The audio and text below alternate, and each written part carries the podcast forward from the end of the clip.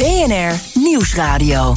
De Zakenlunch. Tijd om belangrijk zakelijk nieuws van dit moment te bespreken. Samen met Fred Teven, voorzitter van de Vereniging Nederlandse Brouwers... en Stan Westerter van Bond Capital Partners... die al heftig nee schudden. Terwijl Koen Teulings gewoon keurig ophing. Stan, Ja, je mag er wat van vinden. Ja, een beetje gecombineerd verhaal. De olieprijs zien we inderdaad wel dalen. De Brent en de WTI. Maar de gasprijs, de Europese gasprijs... is toch weer rustig aan een, aan een, aan een klim begonnen. Ehm, en ja, dat is... eh, ja, daar, dat moet het pleit nog over beslecht worden, zeg maar. Dat is nog niet eh, gedaan. Eh, het is niet met een recordsniveaus wat we in maart zagen... na de oorlog in, eh, uitbraak van de oorlog in Oekraïne. Maar hij is toch wel langzaam aan het oplopen in aanloop naar van gaan we die gasreserves genoeg kunnen aanvullen tegen de juiste prijzen. Daar had je net ook al discussie over. Teulings eh, zegt hij wel, die, die rente, zeker de lange rente, die daalt al. Kapitaalmarkt houdt er toch wel rekening mee... dat centrale banken in staat zijn om dit allemaal een beetje binnen de perken te houden. Ja. Is dat inderdaad ook jouw conclusie? Nou, ik denk eh, überhaupt dat centrale banken in dit geval niet zo heel erg veel kunnen doen. Anders dan proberen de vraag aan te passen op eigenlijk een aanbodprobleem. Hè, ouderwetse verhaal. Ehm, en dat die inflatie vanzelf wel daalt. Door omstandigheden inderdaad. Dat mensen hun, hun uitgaven daarop gaan, eh, gaan aanpassen. Ehm, dus eh, ja, de inflatiecijfers van 8, 9, 10 procent. Dat is niet houdbaar. Zeker niet als je kijkt naar de historie de afgelopen 10 jaar. Waar we structureel onder de 2 hebben gezeten. Dan past de economie zich daar vanzelf wel op aan. Even los van wat, wat de centrale banken daar nou mee doen.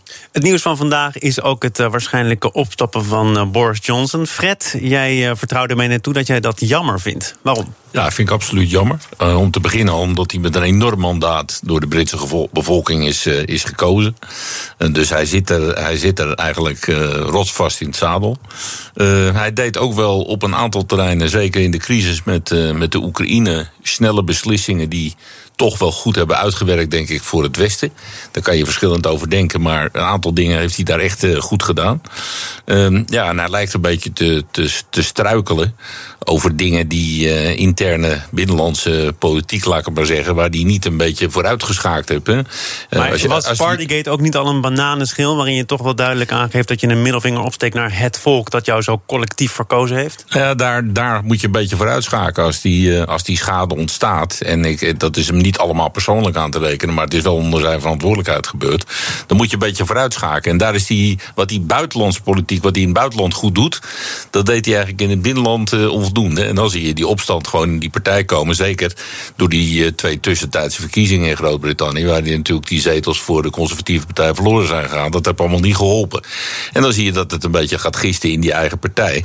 En dat is wat er nu aan de hand is. En eh, het is wel een overlevenskunstenaar, want hij heeft het natuurlijk al een aantal keren gered. Maar, ja, nu, maar we staan nu niet maar nu gaat het, maar nu eh, gaat het niet gebeuren. Nee, we kijken al een paar uur naar een dichte deur. Vermoedelijk toch wel voor het laatst met Boris Johnson... die daaruit eh, naar buiten stapt. Hoewel hij van plan is om nog een tijdje aan te blijven.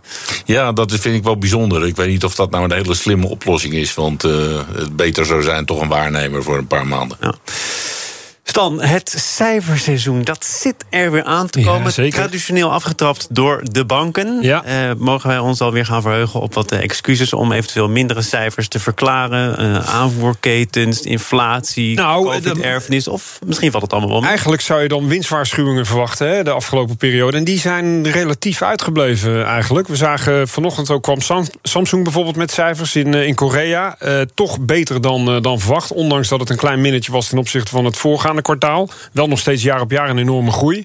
En je zag ook dat het eh, aandeel daar positief op reageerde. Eigenlijk ook omdat je in de aanloop daar naartoe hebt gezien... dat er al heel veel slechte cijfers verdisconteerd waren door de markt. Ehm, en inderdaad, wat jij zegt, eh, we gaan eh, binnenkort los met het cijferseizoen traditioneel in Amerika met de financials. En dan wordt natuurlijk de grote vraag: oké, wat heb je afgelopen kwartaal gedaan? Eh, dat nemen we dan ter kennisgeving aan. Maar de, zeker nu is de grote vraag: wat zijn de verwachtingen eh, voor de rest van het, eh, van het half jaar? Hè? Gaan we neerwaarts bijstellen? Gaan we op die recessie af?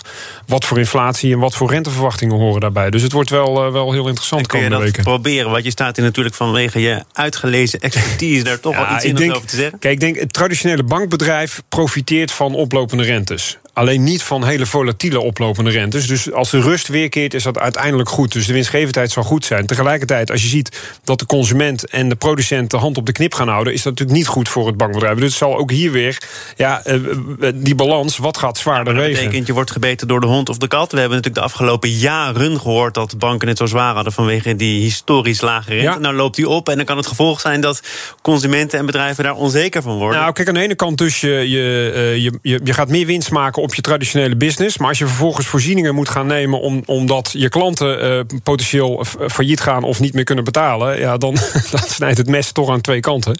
Uh, dus dan kun je operationeel wel heel erg goed draaien. Uh, maar als jouw klant het moeilijk heeft... dan krijg je als bank het zelf ook moeilijk. Boeren hebben het uh, ook moeilijk. En dat laten ze weten in de vorm van allerlei protesten. Er is ook veel te doen over een schietpartij bij die boerenprotesten in Heerenveen. Er komt weer een nieuw hoofdstuk misschien wel aan toegevoegd... omdat de familie het er niet bij laat zitten. Hoorden we zojuist ook in het bulletin. Fred, hoe sta jij daarin?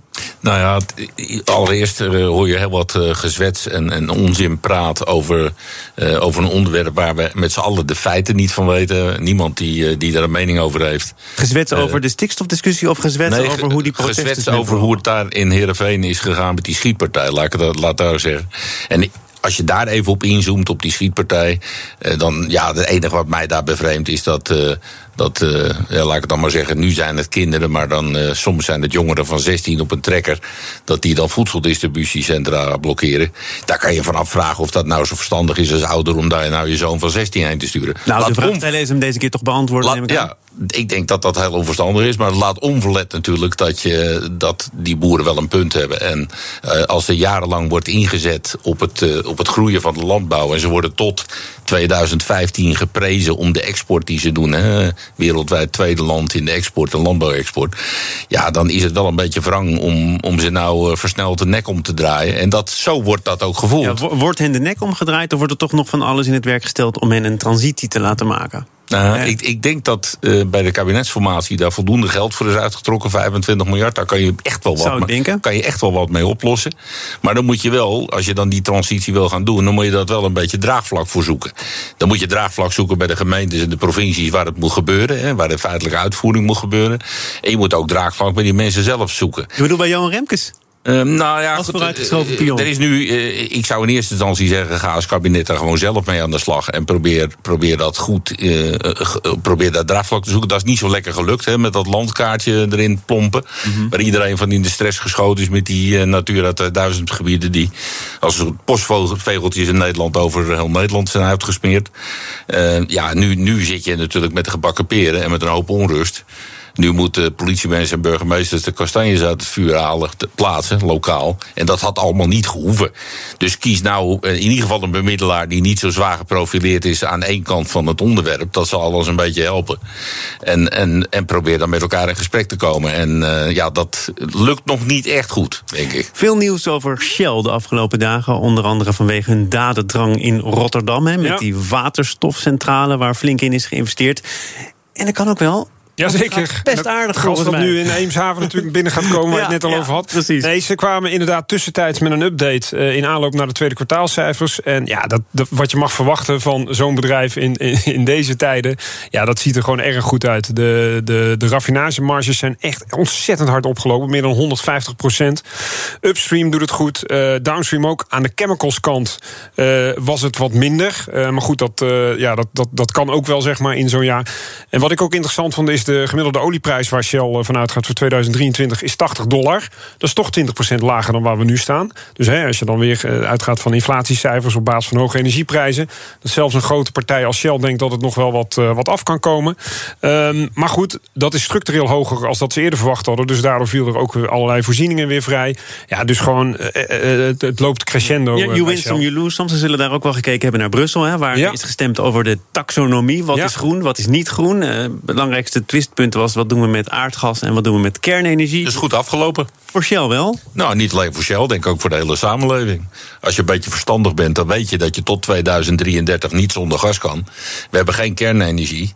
En met zon en wind ga je het niet redden. Dus ja, je moet wel keuzes maken als het gaat om energie.